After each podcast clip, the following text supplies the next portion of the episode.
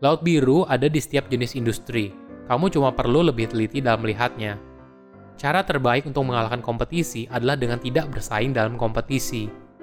Temukan laut birumu yang tersembunyi, dan kerja kerasmu akan terbayarkan. Halo semuanya, nama saya Michael. Selamat datang di channel saya, Sikutu Buku. Kali ini saya akan bahas buku Blue Ocean Strategy karya Wei Chan Kim dan Rene Morburn.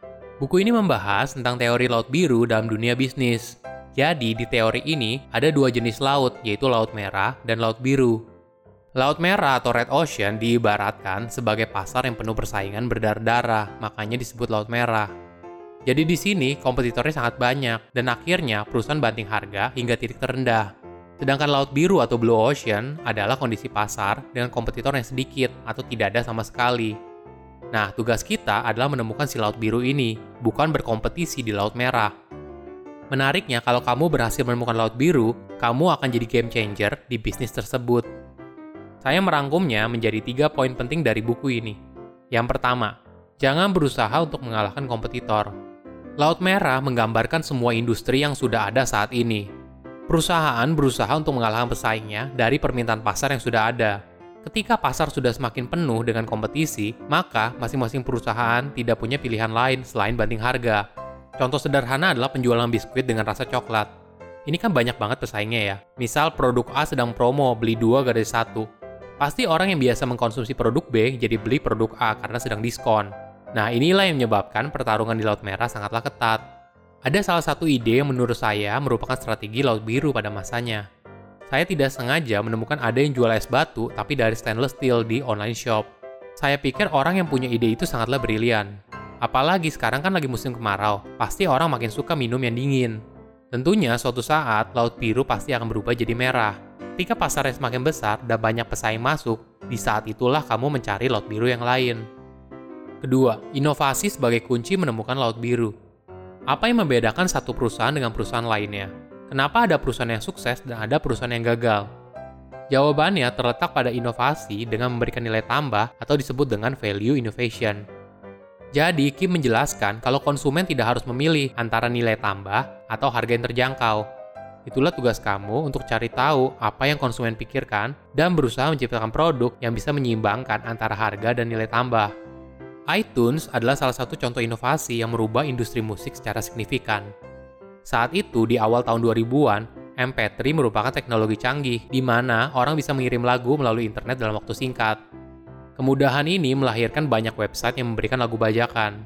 Hal ini membuat industri musik yang dulunya bergantung pada penjualan CD semakin rugi karena orang udah nggak beli lagi CD yang mahal, mending download aja yang gratis. Nah, kebiasaan orang download file bajakan membuat Steve Jobs melahirkan iTunes.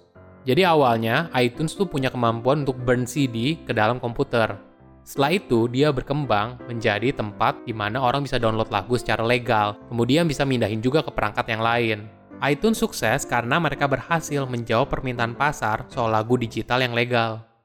Ketiga, temukan laut biru yang tersembunyi. Laut biru memiliki bentuk yang beraneka ragam. Kamu bisa nemuin laut biru ketika kamu keluar dari persaingan laut merah, atau kamu juga bisa nemuin itu tersembunyi di tengah laut merah. Ketika semua perusahaan sibuk berkompetisi di laut merah, orang yang cerdas mampu mencari peluang di laut biru. Salah satu tipsnya yaitu melihat rantai produksi dari sebuah produk. Misalnya, saat ini kan penjualan online makin meningkat, apalagi kebiasaan orang mulai berubah sejak COVID-19. Nah, mungkin kamu bisa fokus pada produk pendukung, misalnya Daripada kamu ikut jualan masker, gimana kalau kamu jual plastik untuk penyimpanan masker? Pasti yang jual masker butuh plastik dong untuk bungkus produknya sebelum dijual.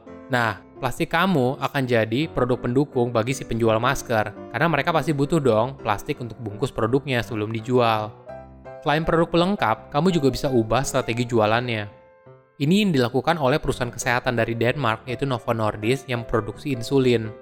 Awalnya dia menjual produk langsung kepada dokter untuk diresepkan kepada pasien. Sebagai informasi, insulin digunakan penderita diabetes untuk mengatur kadar gula dalam darahnya.